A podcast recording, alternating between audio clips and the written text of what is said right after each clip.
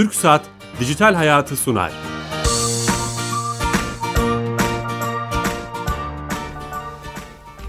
Herkese merhaba. Ben Bilal Eren. Teknoloji, internet ve sosyal medyanın hayatımızı etkilerini konuştuğumuz Dijital Hayat'a hoş geldiniz. Her cuma TRT Radyo 1 mikrofonlarında önemli konuları, önemli konuklarla konuşuyoruz. Bu hafta fintech, finansal teknolojiler konusunu e, konuşacağız. Yeni bir kavram gibi gözüküyor. Tüm detayları çok değerli bir konuğumla konuşacağız. İstanbul Üniversitesi öğretim üyesi ve Fintech İstanbul kurucusu Profesör Doktor Selim Yazıcı hocamız stüdyo konuğumuz. Hocam hoş geldiniz. Hoş bulduk. Teşekkür ederim. Nasılsınız? İyiyim. Teşekkür ederim Bilal. Sen nasılsın? Sağ olun hocam. Ee, vakit ayırdınız. Bu konuyu enine boyuna konuşacağız. Öncesinde hocam bizim sponsorumuz TürkSat, Türkiye GoTR yapan kurumumuz. Kamuyu ve devleti e-hale sokmayan, sokmaya çalışan, e-dönüşümü yapmaya çalışan kurum. Oraya bağlanıyoruz ve oradaki arkadaşımız bize hayatımızı kolaylaştıran bir servisi anlatıyor. Zekeriya Sönmez uzman direktör arkadaşımız hatta. Zekeriya Bey. Merhaba Bilal Bey. Nasılsınız? Sağ olun teşekkür ederim. Sizler nasılsınız? Teşekkürler. Bu hafta hangi özelliği bize anlatacaksınız? Ya bu hafta vukuatlı psikiyatri örneğini açtık devlet kapısında. Ee, bu çok önemli bir hizmet tüm vatandaşlarımız için. Biliyorsunuz bunlar e, kaymakamlıklarda, nüfus müdürlüklerinde veya muhtarlarda e, verilebiliyordu. Muhtarlarda belli bir ücret karşılığında, kaymakamlıklarda ücretsiz olarak veriliyordu. Şu anda devlet kapısına girdiğinizde e, aile bilgilerinizde vukuatlarıyla beraber e, vukuat nüfus kayıt örneğini alabiliyorsunuz. Eğer e, nüfus seçeneğini seçerseniz anne babanız dahil olmak üzere ailenizdeki tüm bireylerle ilgili vukuatları görüntüleyebiliyorsunuz. Bu vukuatlar e, evlilik olabilir, doğum olabilir. E, tabii kişisel bilgi niteliğinde korunması gereken bilgiler haricindeki bilgiler konusunda bir e, gösterim yapabiliyoruz. Ölüm, e, doğum gibi bilgiler de yer alıyor. Aile bilgilerini sorguladığımızda da sadece e, eşimiz, çocuklarımız bilgilerini devlet kapısında vukuatlarla beraber görüntüleyebiliyoruz. Bunu isteyen birçok kurum var. Bunu şu anda devlet kapısına girerek barkod olarak indirebiliyoruz. E, ibraz edeceğimiz kurum da bunu barkoduyla devlet kapısından e, doğrulayıp e, arşivleyebiliyorlar. Yavaş yavaş muhtarların tüm işlerini ellerinden alıyorsunuz galiba. E, yani muhtarların kaymakamlıklar ve nüfusla ilgili işlemleri konusunda büyük e, çoğunluktaki yüklerini aldık diyebiliriz. Tabii bununla ilgili bazı doğum, aile hekime e, taşınması, yine okullarla ilgili bazı işlemler e, gibi önemli özellikler var. Tabii bunlar aslında bir yaşamsal olayın alt parçası. Bizim taşıma dediğimiz işlemin e, alt parçası. Onunla ilgili tüm işlemleri e, PDF yavaş yavaş devreye alıyoruz. İnşallah e, yakın zamanda e, puzzle'ın tüm parçalarını tamamlamayı düşünüyoruz. İnşallah. Elinize sağlık tüm ekibe selamlar. Kolay gelsin iyi çalışmalar. Sağ olun sağ olun.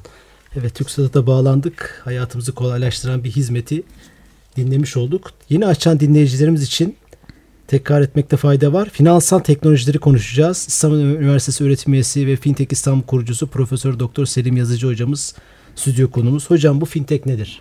Aha, fintech nedir? Güzel soru. ee, herkesin e, cevap arayıp da bulamadığı soru gibi sordunuz şimdi ama aslında basit bir şeyden bahsedeceğim. Ee, bir anlamda baktığımızda e, finansal teknolojilerin daha e, etkin bir şekilde kullanılması, daha yaygın bir şekilde kullanılması e, ve e, toplumun tüm kesimlerinin bundan faydalanabilmesi için e, teknolojinin daha basit olarak e, kullanımını ifade eden bir kavram. E, burada tabii etkinlik, verimlilik ve yaygınlık kavramları e, ve kolaylaştırıcı etkiler bizim için çok daha önemli oluyor. E, bir anlamda baktığımızda e, finansal hizmetlerde inovasyon e, kavramı da burada karşımıza çıkıyor. E, kimileri şunu tartışıyor. Bu inovasyon yıkıcı mı olur? E, bu e, çok çok önemli değil. Tabii ki yıkıcı anlamda bir takım şeylerin geldiğini görmek mümkün ama bir anlamda baktığımızda finansal hizmetlerin içerisine teknolojinin entegre edilmesi ve bunun çok daha geniş bir kitle tarafından yani finansal hizmetlere hem ulaşımı kısıtlı olan veya hiçbir zaman ulaşımı söz konusu olmayan kesimlerin dahil edilmesi hem de bunu kullananların daha etkin, daha kolay bir şekilde kullanmasını sağlayacak bir yapıdan bahsediyoruz. Hocam burada bir şey sorabilir miyim?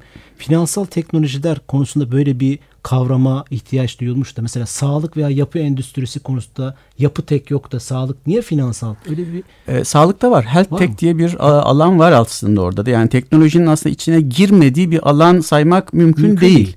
Ee, Ama do- ismi çok öne çıkıyor yani fintech, finansal teknoloji. Evet. Neden? E, çünkü e, yaptığımız işler genellikle finansa, finansmana, paraya dayandığı için ve hayatımızın çok çok içerisinde olduğu için öne çıkması doğaldır. Ama bunun dışında perakende sektörünü mesela ilgilendiren bir retail tech konusu var. İşte e, sağlık sektörünü ilgilendiren bir health tech konusu var gibi e, birçok alana bunu e, yaygınlaştırmak mümkün olabiliyor. Hı hı. Çok çok böyle jenerik de bir şey fintech. evet. o öyle de bir şey. Peki hocam bileşenleri ne der mesela finansal teknolojiler deyince bunu hangi alanlarda düşünüyorsunuz? Ee, şimdi finansal teknolojiler deyince aslında e, bundan bir 10-15-20 sene önce belki de finans derslerinde işte finansal hizmetleri sektörünü tanımlarken işte bankacılar, e, bankacılık, aracı kurumlar ve sigorta e, sektörleri diye bahsedilirdi. E, ama bugün e, ortam biraz daha e, karmaşıklaşmaya başladı.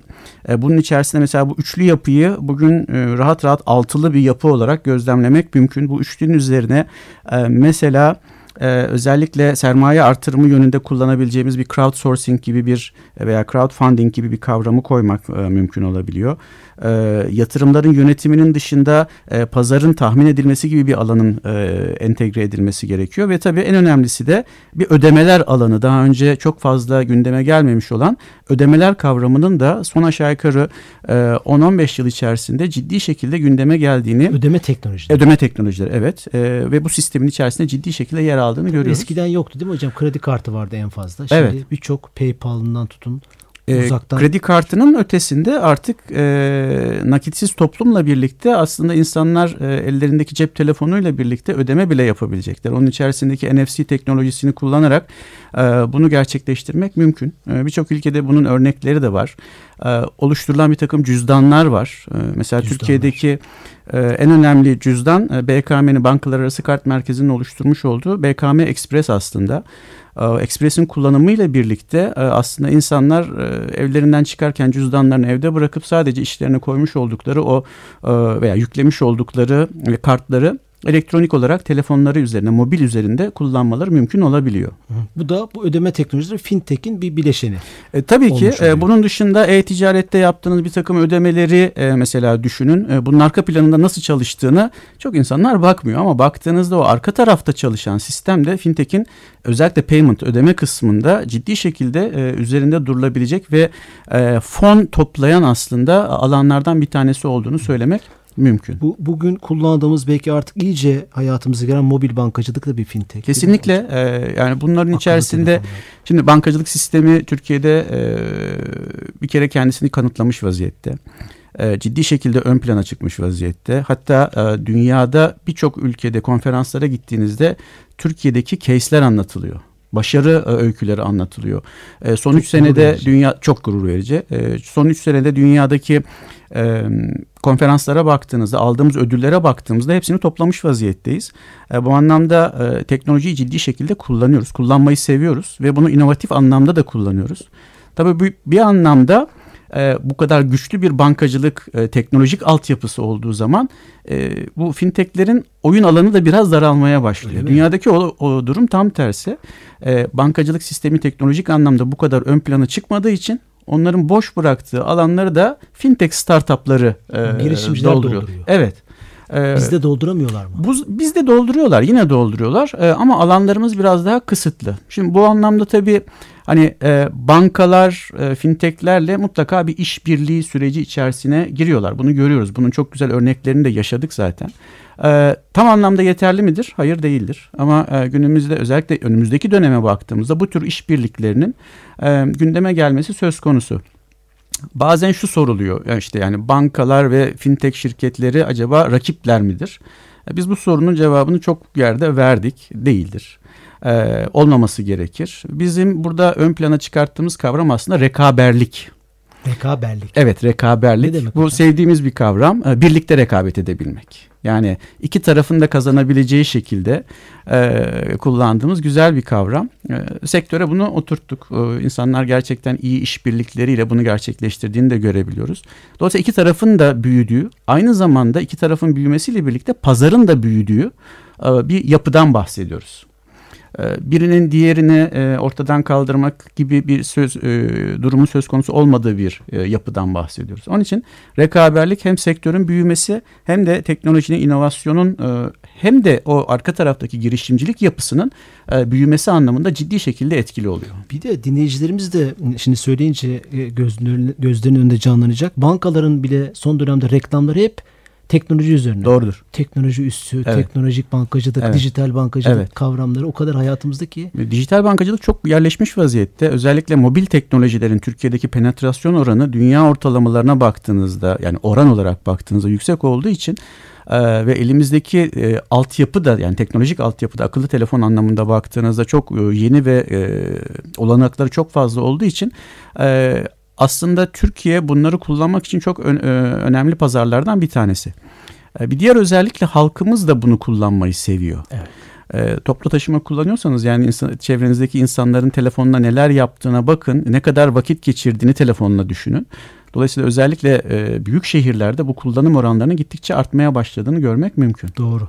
Bir diğer şey hocam dijital para sizin alanınıza giriyor mu? Bitcoin'ler vesaire. Şimdi dijital para tabii ki yani fintech'in çok önemli alanlarından bir tanesi. Dünyada da ciddi şekilde e, kendisine oyun e, alanı bulan e, pazarlardan bir tanesi.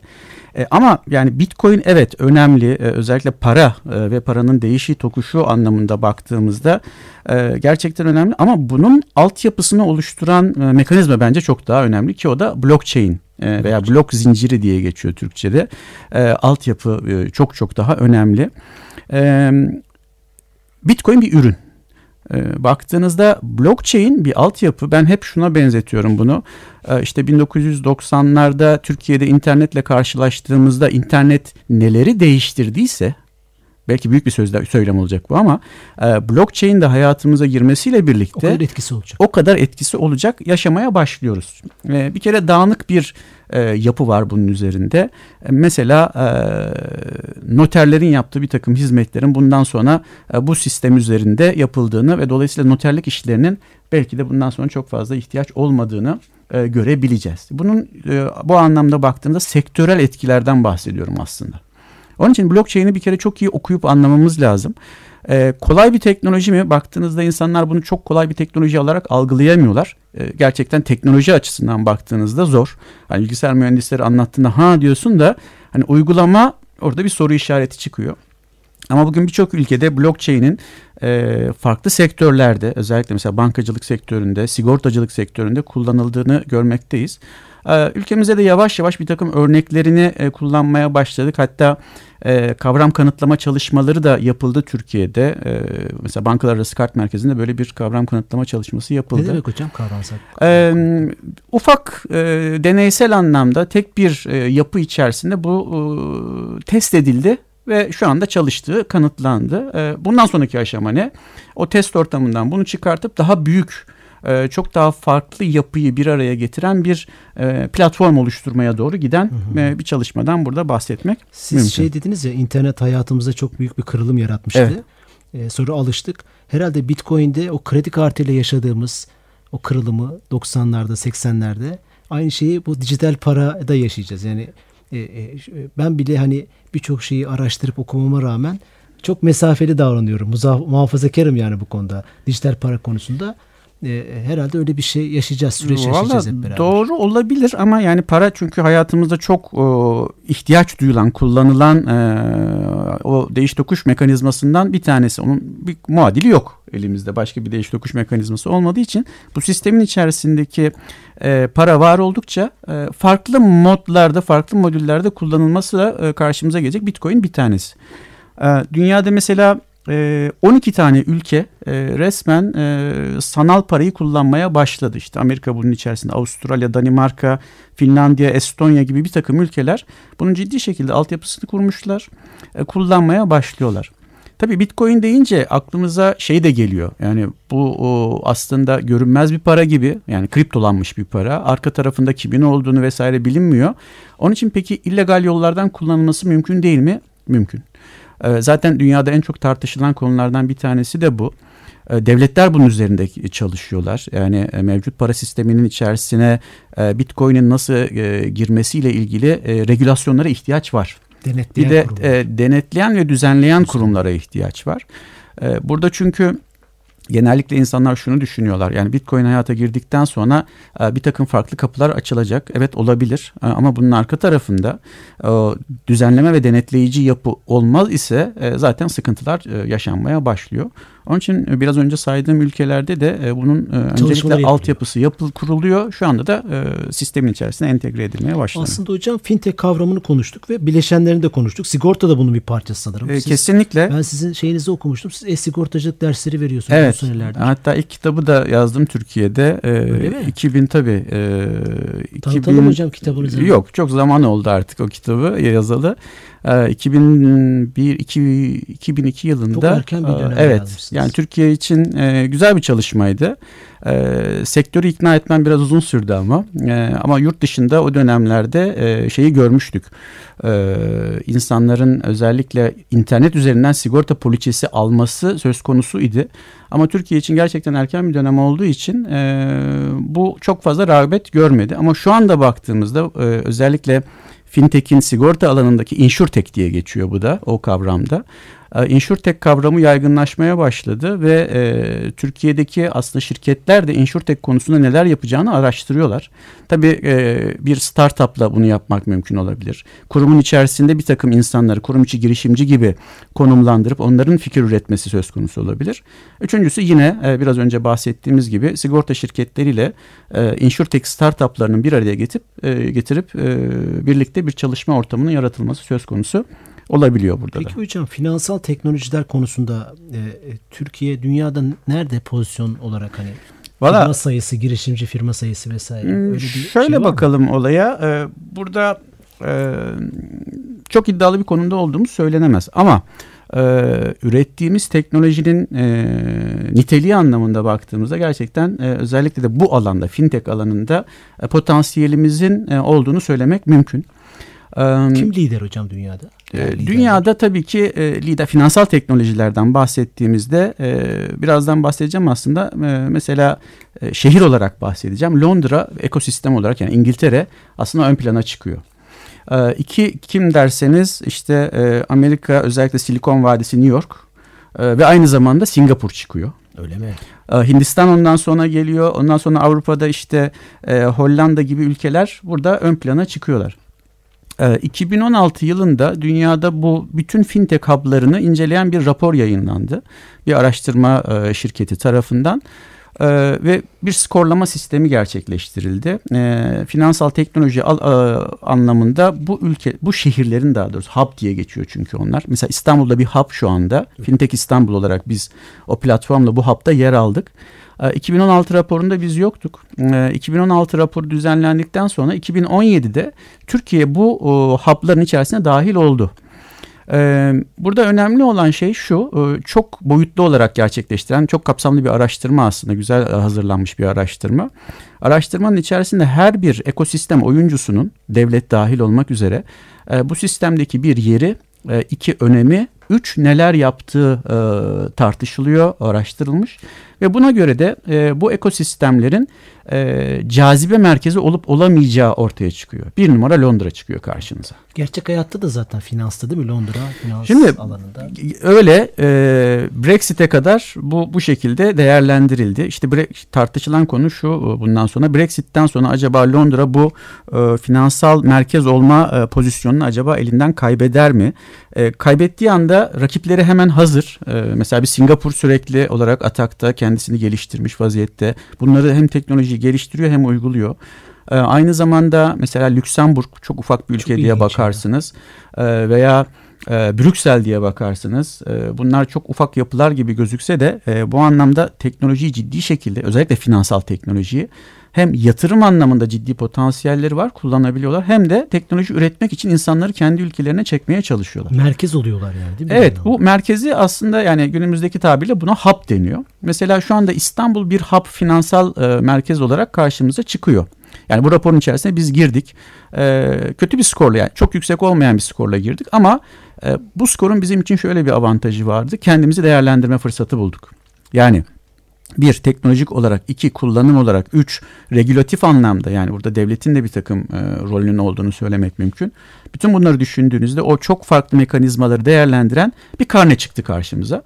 Bu güzel. Bundan Karnemiz sonra, kaç hocam? E, skorumuz çok e, yüksek bir skor aslında. Yüksek skordan kastım aslında bu kötü bir etki. Skor ne kadar düşükse o kadar değerli oluyorsunuz. Bu şöyle düşünün skor düşükse sürtünmeniz düşük anlamında. Hmm. Yolunuz açık anlamında geliyor. Bizim skorumuz yüksek.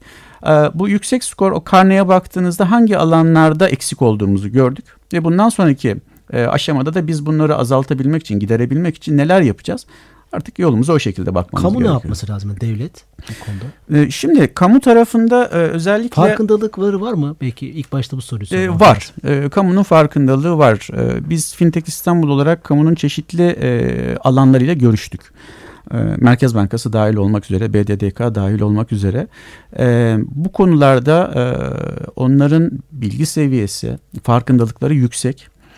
E, tabii ki çok böyle e, aktif veya çok e, hızlı e, yol almaları mümkün olmayacaktır. E, ama en azından bir görelim, ne olduğunu e, anlayalım. E, ondan sonra yavaş yavaş regülatif anlamda biz de yapabileceklerimizi yapalım modundalar. Ki bunun e, en tipik belirtisi mesela şöyle karşımıza çıktı e, işte 6493 sayılı e, ödeme menkul kıymetler mutabakat sistemleri kanunun devreye girmesiyle aslında e, Türkiye'de fintechlerin önü açılmış oldu. Yani e, bunlarla birlikte tabii ki işte e, elektronik para kuruluşları karşımıza geldi. Bunların doğuşu, e, regülasyonları, e, devlet tarafından düzenlenmeleri e, hep Yasal karşımıza düzenlemeleri yapıyorlar. Evet yani, yani yapılıyor. E, genelde işte mesela startupların karşısında olduğu durum şu. Ee, çok hızlı hareket edilmiyor. Doğru. Ee, biraz bekle gör sistemi. Bütün sektörlerin şikayeti bu hocam belki de değil mi? Ee, hız doğru. Ee, şimdi hız evet günümüzde önemli. Çünkü özellikle mesela şu açıdan da bakabilirsiniz. Fintech aslında bir sektör. Yani finansal hizmetler sektörü. Özellikle işte e, İstanbul'un bir finansal merkez olma vizyonu vesaire bunları düşündüğünüzde aslında bizim belki bu tarafı biraz daha güçlendirmemiz gerekiyor. Yani girişimcilik kasımız var. Evet bunu kullanabiliriz ama e, bunun bunu destekleyecek önemli mekanizmalardan bir tanesi devlet tarafı. E, devlet bir takım evet belki destekleri yani finansal anlamda desteği, fon desteğini belki sağlayabiliyor ama bunun dışında da e, o girişimcinin e, yapabileceği işleri kolaylaştıracak alanları da belki biraz daha ön plana çıkartabilir. Önünü açması lazım vesaire. Bir de tabii özellikle bu tür startuplarla çok daha yakın olmak burada önemli. Peki e, hocam aslında şeyinizden çok bahsettiniz. Sizin bir de bir STK gibi çalışan bir platformunuz evet. var. Fintech İstanbul isminde. Valla Fintech İstanbul platformumuz e, çok aslında yeni diyeceğim ama e, hızlı gelişen bir platform. Biz geçen sene 2016 Şubat'ında platform kurduk ama ön planında daha doğrusu öncesinde e, birçok hub ve platformun nasıl çalıştığını inceledik. Dolayısıyla en uygun platformu biz Türkiye açısından ne olabileceğini ve kendi kapabilitemiz yani yapabileceklerimiz ile birlikte neler olabileceğini düşündük. E, dört tane temel amaç orada karşımıza çıktı. Öncelikle bu e, ekosistemi bir araya getirmek. Çünkü dağınık bir ekosistem. Kimsenin kimseden çok fazla haberi yok. Ama burada önemli olan o işte community building veya community management, e, o topluluğu yönetmek aslında çok çok önemli. Biz de bunu o ekosistem yönetimi konusunda devreye soktuk. Ne yaptık? Ee, dedik ki e, fintechler var, startuplar var. Bunları biraz daha bizim eğitmemiz lazım. Çünkü bir takım konularda yetersiz kalabiliyorlar. Mesela regülasyon konusunda. Çok teknik bir konu. Veya siber güvenlik konusunda gerçekten teknik bir konu. Veya kimisi fon bulacak ama fon bulma e, yetenekleri yok. Bunu nasıl bulurlar? Onlara biraz anlatıyoruz. E, start şeyin e, yatırımcının karşısına gittiğinde en azından nasıl bir sunum yapabileceğini. Dolayısıyla girişimcilerin temel sorunu. evet. Yani o sorunları da biz bunun içerisine koyarak aşmaya çalıştık. O eğitim kısmı önemli bir misyon aslında burada. Tabii, bizi dinleyen bir konularda gitmek isteyen biri evet. e, sizin eğitimlerinize katılabilir mi veya Tabii e, fintechistanbul.org bizim web adresimiz. E, fintechistanbul.org'a girdiğinizde bizim değişik konularda değişik çözümlerimiz var. E, eğitimler bunlardan bir tanesi. Dolayısıyla onlara kaydolup e, bu tür sınıf eğitimlerine gelip e, eğitimi aldıktan sonra e, bu tür işlerde şimdi sınıf eğitiminin şöyle bir güzelliği de var e, sınıfta herkes var. Yani girişimci de orada, yatırımcı da orada, e, işbirliği yapabileceği banka da orada, sigorta sektörü de orada. Hani baktığınızda o bizim ekosistem diye bahsettiğimiz herkes Şey bir arada zaten. olduğu için e, paslaşma şansı var. Tanışacak konuşma onlarla şansı. Evet, konuşacak. networking Bir yani. haber iletişim kuracak. Evet. Yani o networking'i e, bazı işbirliği de yaptı. Yani iki fikri birleştirdiler. Yeni bir fikirle aslında pazara çıkabildiler. Dolayısıyla bu bizim açımızdan önemli. Web sayfanız var. Sosyal medya hesaplarınız da var. Var tabii. Twitter Onları üzerinde yine Fintech İstanbul'un e, adres e, şeyi var. Sosyal medya hesabı var. Aynı şekilde Facebook'ta var. e, LinkedIn'de var. e, YouTube'da var. Yani her taraftan aslında e, Fintech İstanbul'a erişmek mümkün.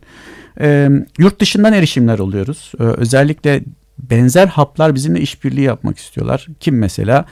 Polonya aslında e, Avrupa'nın yükselen pazarlarından bir tanesi fintech anlamında bir startup anlamında. E, geçenlerde bizimle bir e, ortaklık anlaşması, bizim anlaşmalar öyle anlaşma dediğimizde hani ben seni tanıyorum, sen beni tanıyorsun, şunu yapacağız, birlikte şöyle yaparız tarzında gidiyor. İşte event mesela organizasyonu yapmak veya buradan bir takım startupları al oraya götür, oradakileri çağır, burada işte tanışsınlar. Yani o tanışıklık ortamını yaratmak mümkün. Ee, biz yine startupları mesela çeşitli eventleri yurt dışına götürüp orada e, kendilerini göstertebiliyoruz. Özellikle Türkiye'de e, yeni ortaya çıkan ama iş yapma potansiyeli yüksek olanları. Ee, yayınlarımız çok önemli. Ee, bu anlamda e, yayınlarımıza bizim yine fintechistanbul.org sitesinden erişmek mümkün. Ücretsiz mi hocam? Ee, içerikleri. Ücretsiz 1 lira karşılığında 1 lirayı da kimseye ödemiyorsunuz bağış yapıyorsunuz. Bu anlamda e, bizim bağış yanımızı da e, bir anlamda tetikleyen bir mekanizma bu. Özellikle bir sembolik bir e, para konuluyor bunlara. O sembolik para da sizin belirleyeceğiniz e, bir e, sivil toplum kuruluşuna gidiyor. Bu anlamda da e, bağış tarafımızda Burada güçlendi. gençlere duyuralım. Fi- Fi- Fintech İstanbul'un web sitesinde yayınlar da var. Eğitimler var. Başka hocam? Ee, bunun dışında Son e, 30 saniyede. networking ile ilgili olarak yaptığımız bütün e, her şeyi zaten orada görmeleri mümkün. Dolayısıyla bu ekosistem içerisine girip de biz ne yapacağız sorusunun cevabını merak ediyorlarsa e, gençlere tavsiyemiz mutlaka bizi bulsunlar. E, eğitimlerin bir kısmını e, belki onlarla bir şekilde online tarafta paylaşmamız olabiliyor. Üniversitelere gidiyoruz, fintech kavramını anlatmaya çalışıyoruz bir şekilde. Dolayısıyla hani farklı misyonları bir araya getirip e, bu çatı altına, Süper. platform altına toplamaya çalıştık. Kapımız her zaman hocam size açık. Bizim de aynı şekilde hem girişimcilere hem yatırımcılara hem gençlere özellikle gençler bizim için e, ben de bir akademisyenim e, mutlaka bu sistemin içerisine genç yaşta girip e, en azından e, tohumları aldıktan sonra hızlıca ilerlemelerini bekliyoruz. Buradan duyuralım. Hocamızı da Twitter'dan takip edelim. Selim Yazıcı, et Selim Yazıcı. Siz bu konularda içerikler de paylaşıyorsunuz evet, biliyorum. evet. Takip etmenizde fayda var. Hocam programımızın sonuna geldik. Süremiz doldu. Teşekkür ediyorum. Ben de. Bilal çok teşekkür ediyorum. Ee, çok güzel bir programdı. her şeyi Ağırladığın için, çağırdığın kısa için. kısa. Evet, evet. Ee, evet. ufkum- Konuşacak çok şey var ama Aynen başka öyle. platformlarda bunu paylaşmak İnşallah hocam. isteriz. Ufkumuzu açtınız. Teşekkür ederiz. Bu hafta İstanbul Üniversitesi öğretim üyesi ve Fintech İstanbul kurucusu Profesör Doktor Selim Yazıcı hocamızla fintech yani finansal teknolojileri konuştuk. Haftaya yeni konu ve konuklarla beraber olacağız. Hoşçakalın. İyi hafta sonları.